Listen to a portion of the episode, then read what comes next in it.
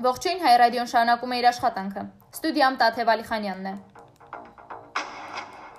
Հայաստանի Հանրապետության էկոնոմիկայի նախարարի տեղակալ Վարոս Սիմոնյանը մամուլի ասուլիսում ներկայացրել է բարետի ապրիլի 22-ի որոշումը։ Այսուհետ մշակող արդյունաբերության, մեծածախ առևտրի, տեղեկատվության եւ կապի, սպասարկման մի շարք տեսակներում կհանվեն սահմանափակումները։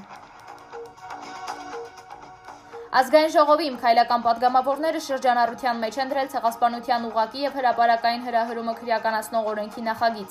Այս մասին Facebook-յան իր էջում գրել է ազգային ժողովի պետական իրավական հարցերի մշտական հանձնաժողովի նախագահը։ Իտալացի падգամավոր Ջուլիո Չենտեմերոն հայոց ցեղասպանությունը չճանաչելը նոր ցեղասպանություն է համարում։ Մեջբերում եմ։ Հայոց ցեղասպանությունը մարդկության ցեղասպանությունն է։ Մարդկություն, որը զոհաբերվեց մեկ կառավարող խմբի գաղափարախոսությանը, խելագարությանը, գերակայությանը, որը ամենացածր բնազները օգտագործեց, փորձելով պահպանել իր իշխանությունը։ Պատգամավորը նաև նշեց, որ տնտեսական կամ քաղաքական դրդապատճառներով ճշմարտությունը չճանաչելը ոչ միայն դատապարտելի է, այլև վտանգավոր։ Հիշեցնեմ, որ Իտալիայի падգամավորների պալատը 2000 թվականին հայոց ցեղասպանությունը ընդունող բանաձև է ընդունել, որով կոչ է արել Իտալիայի կառավարությանը ճանաչել հայոց ցեղասպանությունը։ Հայոց ցեղասպանության 105-րդ տարելիցի կապակցությամբ ապրիլի 23-ի երեկոյան կհնչեն եկեղեցիների զանգերը։ 3 րոպեով կմարվեն Երևանի եւ մարզկենտրոնների փողոցների լույսերը։ Հայտարարված արտակարգ դրությունից ելնելով ապրիլի 24-ին Ծիծեռնակաբերդի մուտքը փակ կլինի։ Այս տարի երթը կիրականացվի վիրտուալ եղանակով։ Հայաստանում եւ Սփյուռքում ապրող հայերը հնարավորություն կունենան ուղարկել SMS հաղորդագրություն իրենց անունները արտացոլելով Ծիծեռնակաբերդի սյուների վրա։ Հաղորդագրությունը կարժենա 1 դրամ։ Հուշահամալիրում երեկոյան ժամը 10-ից մինչև առավոտյան ժամը 6-ը տեղի կունենա հիշատակի համերգ։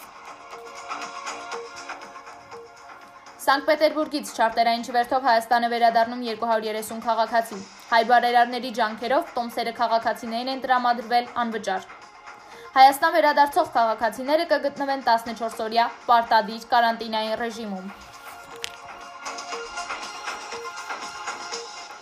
Արցախում կորոնավիրուսի եւս մեկ դեպք է գրանցվել։ Խաղաղացին Խարվաճարի առաջին վարակակրի շփման շրջանակից է։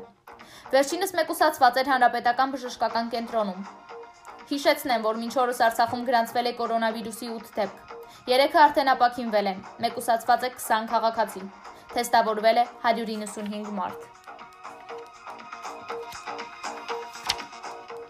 Ֆուտբոլի Եվրոպական ասոցիացիան անփոփոխ թողեց Եվրոպայի հոբելյանական առաջնության անվանումը՝ Եվրո 2020։